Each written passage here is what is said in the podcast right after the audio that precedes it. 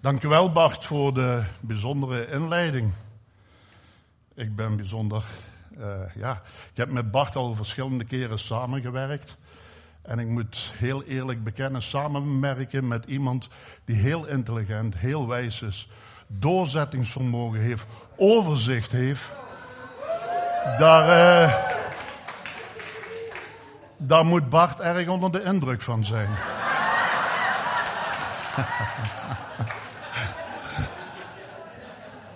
Nee, maar het begin was wel waar hoor. Het is een bijzondere voorganger die we hebben. Ik wil vandaag een psalm behandelen.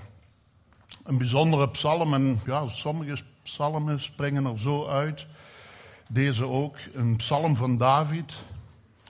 Welzalig hij wiens overtreding, wiens zonde vergeven is.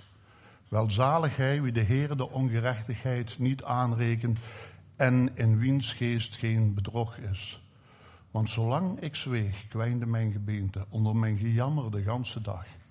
Want dag en nacht drukt uw hand zwaar op mij en mijn merg verdroogde als een zomerse hitte. Sela.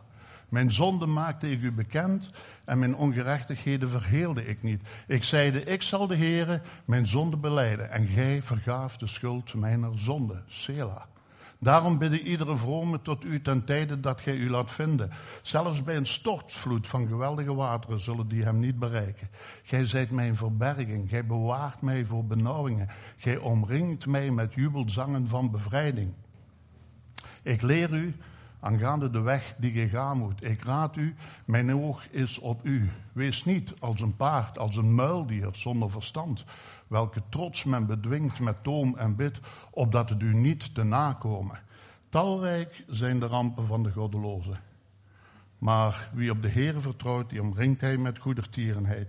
Verheugt u in de Heere en juicht gij rechtvaardige. Jubelt allen gij oprechte van hart. Ik ga hem niet helemaal gedaan krijgen vandaag, maar enkele dingen uit deze psalm zijn bijzonder mooi om te ontdekken. Had ik dan niet gezegd. 32. Sorry, 32. Oké, okay, foutje.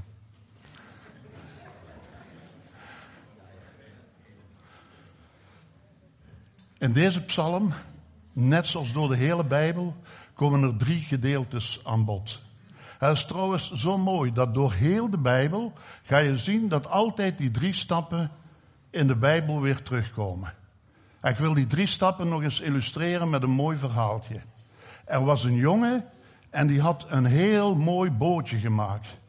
Hij had een blok hout, kent er wel, sommige mensen met kettingzaag halen er van alles uit.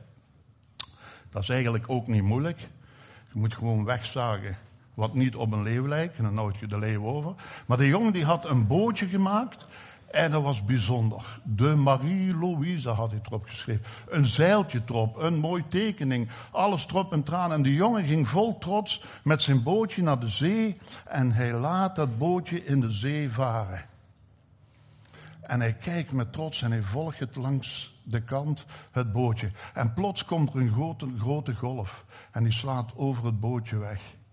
En het bootje is weg. Hij vindt het nergens meer terug. Zijn bootje is weg. Hij gaat depri gaat hij naar huis.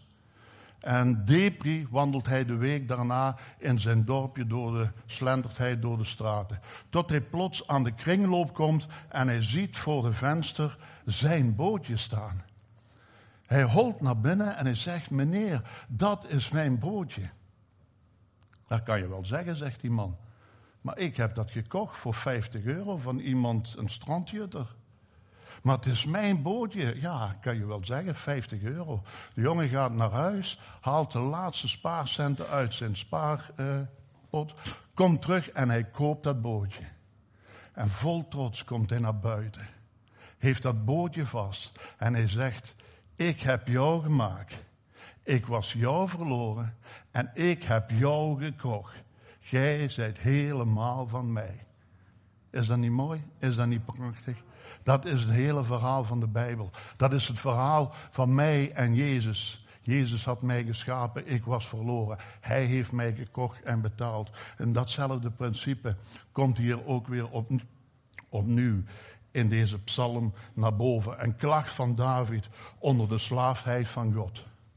Uh, van de zonde, sorry. Onder de slaafheid van de zonde en klacht van David. Maar ook tegelijkertijd in het tweede stuk bevrijding van God. Het stukje door de woestijn op en het derde stuk door God onderwezen. Ik raad u, want daar is God aan het woord en niet meer David zelf. Lees die psalm maar eens thuis door. David heeft een klacht.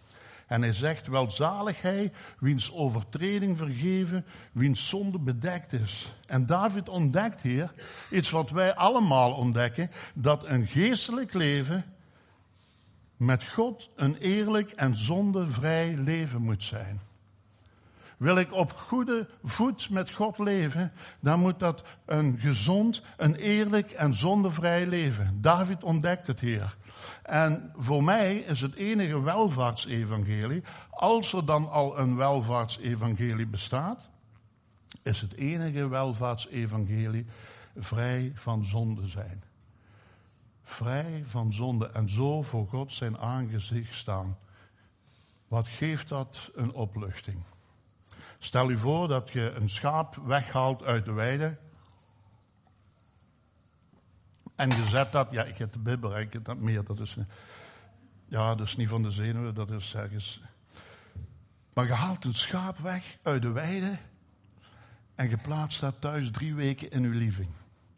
Dat schaap heeft de beste tijd. Vrij van vliegen, vrij van teken, vrij van zorgen, vrij van het gevaar voor de wolf, dat heeft de beste tijd. En als we zo dicht en zo fijn bij Jezus zouden zitten, wat zouden we een geweldige tijd hebben. Maar dat is niet altijd zo. Het is het kenmerk van een christen dat hij op zoek is naar deze zuivering, naar dit volmaakte gevoel. En in deze psalm vinden we dat helemaal terug. Het is mogelijk om op dat punt te komen. En ik zal u straks ook nog zeggen hoe dat kan. Welzalig hij. Dat is heel raar. In het Oude Testament staat het woordje welzalig. En in het Nieuwe Testament vind je dat woordje nergens meer terug. Ook al citeert men uh, gedeelte uit dit stukje, dan staat er plots zalig. Zalig is hij. En welzalig was in het Oude Testament. Wij hebben meer welzalig, of het woordje zalig, was een verborgenheid in het Oude Testament. David wist niet wat hij schreef, zalig. Welzalig is eeuwig gelukkig op aarde. Heel veel runderen, maar je wordt nooit zalig. Je had heel veel, kijk maar naar de mensen die in het Oude Testament gezegend werden, met heel veel koeien, schapen, geiten, Zelfs een hele hoop vrouwen. Salomo had er duizend, maar hij was niet zalig. Want hij had tegelijkertijd ook duizend schoonmoeders, denk ik. hij was niet zalig. Zalig komt pas na de kruisdood van Jezus Christus. En als je die zaligheid kunt bereiken, dat is ongelooflijk in je leven. En zaligheid bereiken op zonden die weggaan in uw leven, dat is eigenlijk, als ik het woordje zalig zou uit moeten leggen, is het ongeveer hetzelfde als dames, als je nog eens naar de markt of naar de schoenenwinkel gaat, dan koop je je schoenen is drie maten te klein. En je loopt dan een hele dag mee rond. En als je een hele dag hebt rondgelopen, dan maak je iets lekkers voor je man. En dan s'avonds gaat je op de bank zitten. En dan trek je die schoenen van drie maten te klein uit. Dat geeft zo'n gezalig gevoel op het moment dat je die schoenen uitdoet. Maar het is ook zo, wanneer je een van uw lasten kunt afleggen, dat dat net hetzelfde gevoel is. Als ik, soms strijd ik heel lang met iets, maar van het moment dat ik het overwin, dan geeft mij dat zo een zalig gevoel. Net zoals bij het sporten vrijkomt, endorfine, dat geeft in uw lichaam een heerlijk gevoel. Welzalig de mens, zalig. Eh, soms bezoek ik een man in de gevangenis, die zit al 40 jaar in de gevangenis. Hij heeft 50 mensen, uh, vijf mensen uh, gedood. En de laatste keer, hij zit nu op de studies in de, in de gevangenis. En de laatste keer zei hij tegen mij: Berg, mijn lievelingslied is 629. Weet iemand welk dat lied is? Als er dan vergeving is Kun je je voorstellen waar die man op zoek is, nog niet christen. Hij zegt, die stap is me veel te zwaar. Maar ik hoop dat hij daar gaat komen. Dat hij dat gevoel gaat krijgen van, ik heb die vergeving ervaren. En het is eigenlijk heel raar dat David hier zegt, en dat God de zonde niet aanrekent. Want in het Oude Testament werd die zonde heel erg aangerekend. En hoe meer dat we God gaan leren kennen, David wist nog niet dat hij door geloof kon behouden worden. Hij, had nog altijd meteen dat resultaat. Hij moest dingen doen voor de zonde. Abraham wordt gezegd, God gaf hem dat omdat hij geloof had. En David had heel wat zonde. David heeft er heel wat gehad. En eigenlijk wij ook. Als we ons spiegelen met de Bijbel. Hoe meer dat je in de Bijbel gaat lezen. De Bijbel is als een spiegel. Menig mens zou zich verschrikken als hij zijn karakter zag in plaats van zijn lichaam in de spiegel. Heb je hem? Heel wat mensen zouden zich verschrikken wanneer ze hun karakter zouden zien of de bodem van hun hart in plaats van hun lichaam in de spiegel. En tijdens mijn voorbereiding, ja, dus, dus als ik zoiets doe, dan is dat altijd een drie maanden werk ik minimum aan zo'n preek. Toen kwamen er heel wat dingen bij me naar boven. Herkent je dat niet? Dat er soms iets uit je jeugd opkomt dat je zegt dat dat was helemaal fout. En dan is dat de drang van de Heilige Geest om je daarvan vrij te zetten. Want het kon nog wel eens een rol spelen in uw leven. En dan moet je dat volledig vrijgeven. We hebben Gods hulp daarbij nodig. Willen wij volledig vrijgezet worden? En willen wij zoals David weg van die hunkering naar die vergeving en dat we volledig vrij zijn, dan hebben we Gods hulp nodig. Dat kunnen we niet uit ons eigen zelf doen. Ik had vroeger zo'n vliegenvanger. Ken dat? Ik had zo kort waar ik zo van die Christusbeelden schilderde vroeger. En daar had ik zo'n kleverige vliegenvanger opgehangen. Dat ding trek je af. En meteen, hop, daar zat al een vlieg op. Ik had die kunnen redden. Die vlieg niet. Want die vlieg, hoe meer ze probeerde los te komen, hoe meer ze vast kwam te zitten in die smeurie. Is zo. Dat is voor ons net hetzelfde. Die zonde is als dat kleverige spul. Hoe meer, ik ga er zelfs iets over zeggen, hoe meer wij proberen daar los van te komen, hoe meer wij vasthangen in dat kleverig spul. Maar ik was de enige die die vlieg had kunnen redden, want ik stond op de ladder boven de vlieg. Verlossing moet altijd van een hoger niveau komen. Ik had die vlieg bij de vleugels kunnen pakken, ze in een benzine afspoelen van dat kleverige spul en kunnen zeggen. Zeg dat niet tegen Gaia.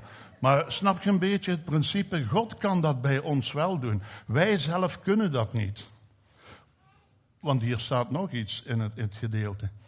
Hij zegt niet alleen vrij van zonde is, maar in wiens geest geen bedrog is.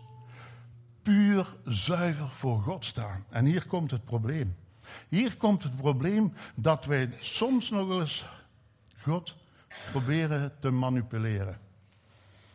God houdt van puurheid. God houdt van zuiverheid. God houdt van volmaaktheid. Je moet geen ring van 14 karaat aan God geven. Want dat is gemengd goud. God wil dat niet. Als je God iets wilt geven, moet dat puur zijn. En dat zijn wij niet. Weet, dit vers viel mij, ik ben erbij stil blijven staan. Daar staat, en in wiens geest geen bedrog is.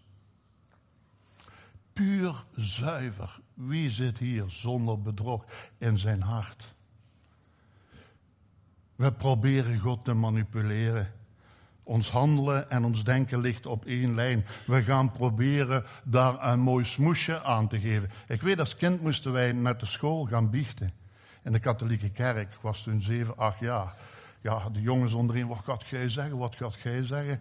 Dan kom je in dat kotje, dat schuifje gaat open. En, ik ik weet het niet. Heb je niks gedaan? Ik weet het niet. Heb je gevochten? Nee. Heb je gestolen? Nee. Heb je begeerd? Nee. Maar wat doet je dan, manneke? Ja, ik lieg nogal veel.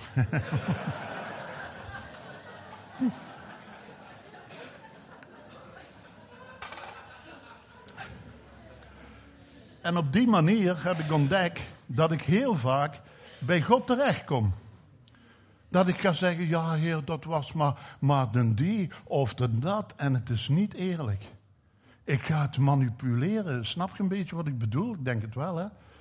Soms in Holland uh, twee keer uitleggen, in België niet. Maar, nee, grapje. Maar we willen God manipuleren. We gaan niet vertellen hoe het werkelijk is. We gaan er een sausje over gooien. En dan gaat je weg en dan denk je dat het weg is als de biechter zei, en de pastoor zei, oké, de absolutie, drie whiskygroetjes, dan dacht je het is weg, maar het was niet weg. En heel wat mensen, christenen, lopen met dingen rond die ze niet echt bij God gebracht hebben. En zolang we die niet echt bij God brengen, blijft het in ons leven bestaan. Wij proberen God te manipuleren in onze beleidenis. Er komt een man bij de biechter, bij de pastoor. Vroeger had je zo die biegschotten, dat was tot in de helft. Was dat zo van die ruitjes en daaronder was het open. Dus die man die komt in die biechtstoel en die priester die zit daar. Die man gaat met zijn arm onder dat luik en hij klauwt die horloge van die priester.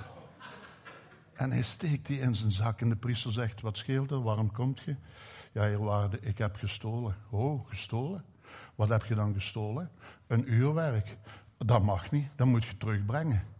Wilt je het hebben, meneer pastoor? Nee, nee, nee, nee. Je moet dat aan de eigenaar geven. Ja, maar die wil het niet. Ah, dan mag het houden. Ah, dan mag het houden.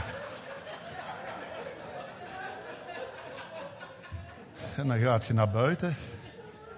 En dan gaan we naar buiten en dan denken we, het is weg. Maar het is niet weg. Het blijft op ons zitten. We dragen het mee. Het is pas weg wanneer we eerlijk en oprecht bij God zijn geweest. En de mens, zegt de Bijbel, is heel erg listig. De mens is arglistig van God. En de mens gaat met die arglistigheid soms ook zo naar God toe. Wat heb ik het vaak gedaan? Wat heb ik het vaak gedaan? Uh, gaan beleiden en dan denken achteraf dat trok op niks. Dat, dat pakt God niet. En ik merkte het omdat ik er bleef mee lopen. Pas als het weg is nu uit uw leven, kun je weten dat het een beleidenis is geweest dan verdwijnt het uit uw leven. In wiens geest geen bedrog is. Heel de wereld zit vol bedrog. Iedereen komt wel eens bedrogen uit. Ook hier in onze kerk hebben we soms dat bedrog in ons hart. Want het zit in de mens zijn hart. Allemaal komen we ooit in aanmerking met iemand die u bedrogen heeft. Soms komt er bij ons iemand aanbellen. En dan belt hij aan. Goeiedag meneer. Kreeg telefoon. hey, Goedendag meneer, je hebt gewonnen. Wij komen uw tapijt reinigen. Gratis. Allee, echt waar. En moet ik dan, nee, niks meneer, wij reinigen dat. Dan komt er een met een stofzuiger en dan begint hij eerst over die stofzuiger te vertellen. Dan moet je drie kwartier wachten. Dan liggen daar honderd apparaten wat die stofzuiger allemaal kan. Je kunt er je soep mee, mixen. Je kunt er allemaal van allerlei dingen. En dan komt het aapje uit de mouw. Ja, meneer, wilt je die kopen? Dat is 4000 euro. Hallo. Hallo. De wereld zit vol bedrog. Je kunt niet iedereen meer zomaar geloven. Maar wij zelf, als we in ons hart kijken, merken we dat ook. We zijn wel teleurgesteld door anderen, dat klopt. En dat gebruiken we ons hele leven. Maar we gaan zelden kijken waar we zelf bedrogen zijn of hebben. En zeker naar God toe. Ik was bedrogen in het tweede studiejaar. Ik zat op school. Ik had altijd de beste punten. Wel aan mijn potlood, maar dat doet niet erg.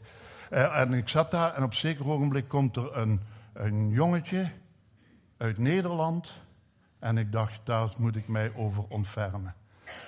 En ik leerde voor de eerste keer dropjes kennen. Want drop kenden ze toen niet in België. En elke dag kreeg ik van die jongen dropjes. Maar er zat bedrog in die jongen. Op zeker ogenblik geen dropjes meer. Zelfs de meester bemerkte het. De meester zei, Pietje, geen dropjes meer? En toen zei Pietje, nee meneer, het konijn is dood. Je komt altijd wel eens bedrogen in de wereld aan. Ja, ik ga geen echte dingen vertellen, want dan wordt het niet meer zo interessant. Iedereen heeft wel eens het bedrog, maar herkent je ook dat je zelf op die manier naar God toe gaat? Als we dat doen, dan krijgen we nooit geen vrijheid. We krijgen nooit geen gezegend leven. We moeten eerlijk en oprecht naar God toe gaan. En de valkuil is vaak dat wij denken dat de mensen die hier staan, daar volledig van vrij zijn. De muzikanten, de voorgangers, de oudsten, de sprekers, de, de mensen die bezig zijn. We zijn allemaal mensen en allen hebben gezondigd. En allen hebben we onze worsteling hiermee te dragen. Dus allemaal kijk naar ons eigen. En dan zegt hij iets, meer, iets, uh, iets meer op dat gedeelte. Dan zegt hij in vers 3, want zolang ik zweeg, kwijnde mijn gebeente weg. Want zolang ik zweeg, kwijnde mijn gebeente weg. Hoeveel mensen zitten hier vandaag waar het gebeente van wegkwijnt soms in uw binnenste? Maar wij zijn 180 graden anders. De mens moet zich altijd keren naar God. Bij roddel moeten we zwijgen en bij zonde moeten we spreken. En bij ons is het bij roddel gaan we spreken en bij zonde gaan we zwijgen. Dan verbergen we dat in ons diepste. En dan kunnen we jaren met iets rondlopen en we ontvangen geen bevrijding. Ik daag u uit om vandaag, als je hier buiten gaat, te zeggen: Ik ben vrij van alles. En dat kan. Het kan heel gemakkelijk. Maar het is ook heel moeilijk. Ik heb ontdekt dat confronteert tegenwoordig niemand met een zonde. Want dan heb je iets aan de hand. Doe dat niet.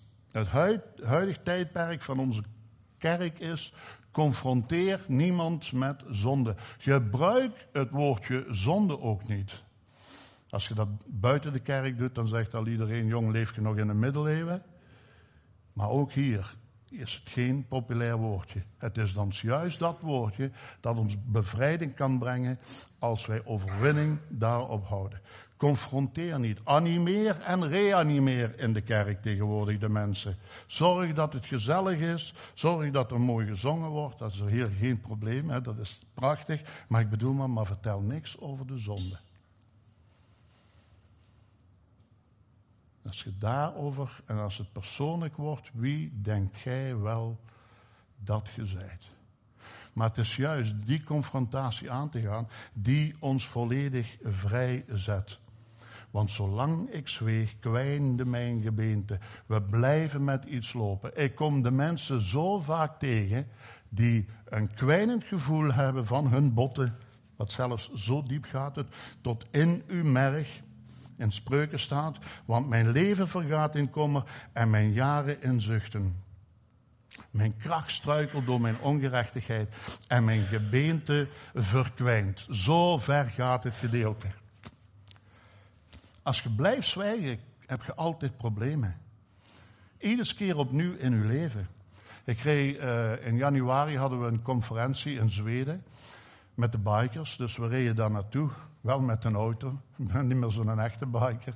Zeker niet in de winter. En onderweg zijn we een tas koffie gaan drinken. En wat ik niet wist, ik had in een hondenpoep getrapt. En ik zat achter in de auto, dus ik stap terug in en ik zet me in. Gelukkig maar een klein beetje, maar zelfs een klein beetje vergalt u heel rit hoor. Want als de chauffage opstond, of de airco, of de verwarming, dan kwam er soms zo'n windje onder die dingen door. En dan rook ik dat. En dan dacht ik, een van die vier heeft hier een windje gelaten. En honderd meter verder, die heeft er weer één gelaten. En tien kilometer verder weer. En die anderen dachten, een van die drie heeft een windje gelaten. En zo hebben we de hele reis gemaakt en niemand zei iets. En toen ik thuis kwam, meestal kom ik thuis, slof onder de chauffage, als zelfreinigende schoenen. Zanderendag zijn die altijd weer gereinigd. En toen zag ik de troep eronder liggen en toen dacht ik, oh, dat was ik. Had ik maar gesproken, was de reis in de auto een beetje plezanter geweest. Hadden de anderen maar iets gezegd, dan was de reis veel aangenamer. Hoeveel te meer met iets wat om ons hart ligt, mensen. Hoeveel te meer gaat dat geen rol spelen. kunnen we dan eerlijk naar God toe gaan. En eerlijk, om bankroet te worden verklaard, moet je toegeven dat je blut bent. Om naar de hemel te gaan, moet je toegeven dat je eigenlijk op weg naar de hel bent. Anders gaat je er niet bij komen. En dan krijgen we onder het gevolg van dat geheel is het gevolg van zwijgen. Onder mijn gejammer de ganse dag. Herkent je dat in het leven? Dat wanneer iemand ermee loopt, alleen maar gejammer, gejammer die ganse dag wanneer je met iets loopt. Ik denk, vroeger had ik dan wel een standpijn als kind. En dan kwam mijn oma en die had het tegen mijn moeder gezegd: steek een stukje peterselie in uw oor. Dat zijn surrogaten, dat helpt niet. Maar dat zijn zo van die oma-recepten. Ja, natuurlijk ging uw tandpijn over. En waarom? Al die surrogaten die leiden u af van het echte. Op zeker moment kreeg die peterselie niet meer uit mijn oor.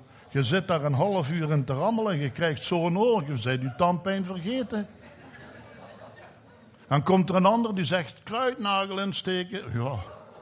Weer een ander zei whisky op de zenuw leggen. Had niet gezegd hoeveel whisky, maar. Eh. en op den duur, op den duur. Blijf je jammeren. En dan zegt iemand: ga eens naar de tandarts. En dan is het over. En zo lopen wij in deze wereld met constant surrogaten zoeken. Wanneer er zoiets gebeurt, zijn we op zoek naar een surrogaat. Maar een surrogaat neemt het niet weg. Het, het pakt alleen de aandacht, leidt het af. Ik krijg soms, heb ik ook vast gehad, van die e-mailtjes. Heb je keelpijn, smeer dan fix onder uw voeten. En doe je kousen aan en ga de ganse nacht zo slapen. Stuur dit door. Ja, dat stuur ik zeker door. En doe er twee schijfjes citroenen bij en een halve komkommer. En hou uw sokken drie weken aan. Hup, doorsturen. En laat ze maar, daar gaat het niet van over. Daar gaat het niet van over. Wij zoeken, wij zoeken iedere keer om op een andere manier dan naar God toe te gaan om onze zonde te beleiden. Er is maar één weg. Als je tandpijn hebt, gaat je naar de dokter. En heb je een verkoudheid, haalt je iets tegen de verkoudheid. Maar hou je niet met die, dingen allemaal bij. Er zitten soms wel goede dingen bij, maar meestal to the point. En als we dat doen, houdt ons gejammer op. Hoeveel mensen denken dat je tegenkomt tegenwoordig? Ook in de kerk hoor. Ja, deze week iemand op bezoek. En ik moet heel eerlijk zeggen, een christen, maar ik probeer hem te ontwijken. Want als ik maar gewoon kijk naar de man. Ja, ja weet je, Bera, en broer. En dan krijg je van die zware verhalen. Als je zegt, hoe gaat het? Ja, en weer van die zware verhalen. Je wilt weg, weg, weg proberen. Onder het gejammer, dat wil zeggen, er zit zoveel dat niet bevrijd is. Er was een man die ging met zijn vrouw op cruise. En die man, dat was ongelooflijk. Die, hé jongen, hoe is het? Hey, goedemorgen, van waar bent u? Blauw, wat mooi, wat chic, wat dingen. Maar zijn vrouw, had een vrouw altijd, het eten is te gezouten, de kajuit is te klein, op het dak is te warm, de prik is van de cola, te veel lawaai in de kamer, het zwembad is te vol, mensen zijn niet vriendelijk, de lucht is te droog en het woord, noem maar op, altijd jammeren, jammeren, jammeren. En zij mogen, zoals dat gaat, Maarten bij de koning zitten, hè, mochten zij bij de kapitein van die boot gaan zitten, aan de tafel diner, en die kapitein had dat opgevangen, dat die man altijd vriendelijk was. En hij zegt, meneer, wat, wat, wat doet u van werk? Ja, zegt hij, ik fabriceer technologische fabrikage. U zegt, ja, ik fabriceer technologische fabricaties. Ah, interessant, zegt de kapitein. En uw vrouw? Ah, mijn vrouw fabriceert een hoop ellende, zei Een echt gebeurd verhaal hoor. Dale Carnegie. Niet te geloven, wij, opruimen die zooi. Dan gaat het jammeren over. Dan gaat het jammeren over. Maak mensen vrij in de plaats van ze te laten jammeren. En als wij naar God toe gaan en wij gaan beleiden, en misschien mag de muziek stil naar voren komen, dan is het van een, een Nederlander had de preek van niet janken, maar danken dat was de preek. Niet janken, maar danken. Ik zou zeggen, niet lijden, maar beleiden. Als je mensen vrij kunt zetten, dat is zo wonderbaarlijk. Mensen, het doet u zelf goed als je ziet dat iemand anders blij wordt. Ik heb het eens meegemaakt, ik ging naar de winkel en Die winkel was redelijk vol en er stond een massa voor me. En ik wilde die winkel ingaan, slipt er een vrouw vlak voor me in en zij schuift mee aan. En ik zeg mevrouw, en die draait zich om. Er was zo'n vrouw van rond de 55. Ik zeg, u bent 25. Alleen meneer, alleen meneer, wat zegt u? Ik zeg, u bent 25. Allee, zegt hij, jij maakt mijn dag goed. En ze kijkt voor zich. En ze draait zich terug om en ze zegt, allee meneer, 25, hoe komt jij daar nu bij? Ik zeg, ah, ik zeg, ging in één keer voor me binnen. En ik kom achter u aan en ik pak het, een, ticketje en ik had 26, dus ik denk, u bent 25. Mijn vrouw was helemaal blij. Mijn merk verdroogde als in zomerse hitte. Lees ze thuis maar na. En dan heb ik nog één ding. En mijn zonde maakte ik u bekend. De hele oplossing ligt hier in de ommekeer. Alsof je plots zegt van, nu rook ik niet meer. Kent je dat? Je bent jaren gestopt en iedere keer lukt het niet. En er komt zo'n moment en nu rook ik niet meer.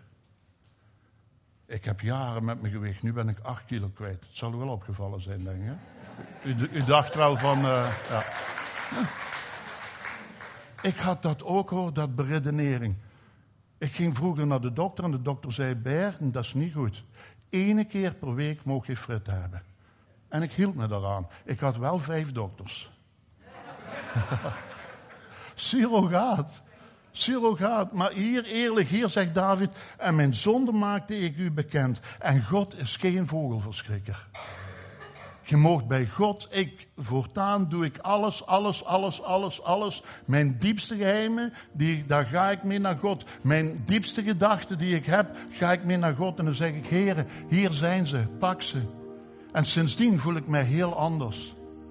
Sinds ik dat principe een paar jaar geleden ben gaan toepassen. Door gewoon alles tegen God te kunnen zeggen. God is geen vogelverschrikker. Wat je ook op het hart hebt, hij zal dat met liefde wegdoen uit uw hart.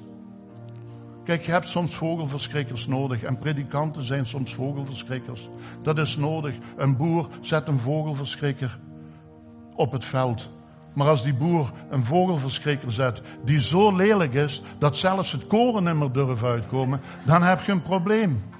Dan heb je een probleem. Maar zo is God niet. Bij God kunt je terecht, mensen, met alles wat op je hart ligt. En breng het gewoon bij Hem. Breng het gewoon bij Hem. Hij zal, en je krijgt een hele ommekeer. Er is maar één weg om vrij te komen. Dat is de weg naar Golgotha naar Golgotha de berg op en aan het kruis neerknielen en beleidenis doen van, daar heb ik weer in de fout gezeten. Daar was ik weer. En dan zal Jezus zeggen, net zoals met dat bootje, ik heb u gemaakt. Je ging verloren, maar ik heb u gekocht. Je bent helemaal van mij. En, en lees vanaf vers thuis, ik raad u en onderwijs u. En, en jij zijt mij jubelzangen. Jubelzangen gaan in uw hart komen wanneer je dat doet. En mensen, we hebben hier mensen van het pastorale team. Als je vandaag wilt en je wilt iets kwijt, kom dan naar voren. Ga niet redeneren, ja maar het is die, het is daar. Kom naar voren. Zeg tegen die mensen, beleid naar God toe. En als je niet naar voren komt, doe het op je plaats ook goed. Maar als je werkelijk bevrijd wilt zijn, dan is het het uitspreken vaak naar mensen toe, naar God toe, om bevrijd te worden van alle dingen die nog op je hart liggen.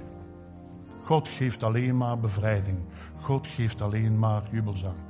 Mensen gaan met muziek spelen. Voel u vrij om het op je plaats te doen of voel u vrij om het hier te doen. Maar God bevrijdt u daarvan. Wanneer wij beleiden, gaan we een heel ander leven toe. Wanneer wij alles bij God brengen. Onze diepste gedachten hoef je hier niet te brengen. Breng ze bij God. Maar als er dingen zijn, nogmaals, kom naar voren onder de muziek. En de mensen zullen je hier opvangen. En je krijgt bevrijding van God. Hemelse Vader, dank u wel, Heer. Voor wat u hebt gedaan, Heer. U hebt met u alles, Heer. Met uw hele lijf, met uw bloed, hebt gij ons gekocht. Net zoals dat bootje, Heer. Gekocht door die jongen. Zo hebt u ons helemaal gekocht. En u weet het, Heer, we zijn een open IKEA-kastje zonder deuren voor u, Heer. Men ziet alles. U ziet alles wat op mijn hart ligt. Ik kan het niet verbergen, Heer. Maar u wanneer we het niet doen, gaan we alleen maar jammeren. En u laat het dan gewoon liggen, Heer, tot we uitgejammerd zijn en bij u komen. Dank u wel dat wij vandaag hier bij u mogen komen om dat allemaal bij u te brengen, Heer. Ik ben u daar dankbaar voor, Heer. En wilt u ons vrijzetten, Heer, vrij van zonde, Heer. Zodat we het ook ervaren in ons dagelijkse leven. In Jezus' naam.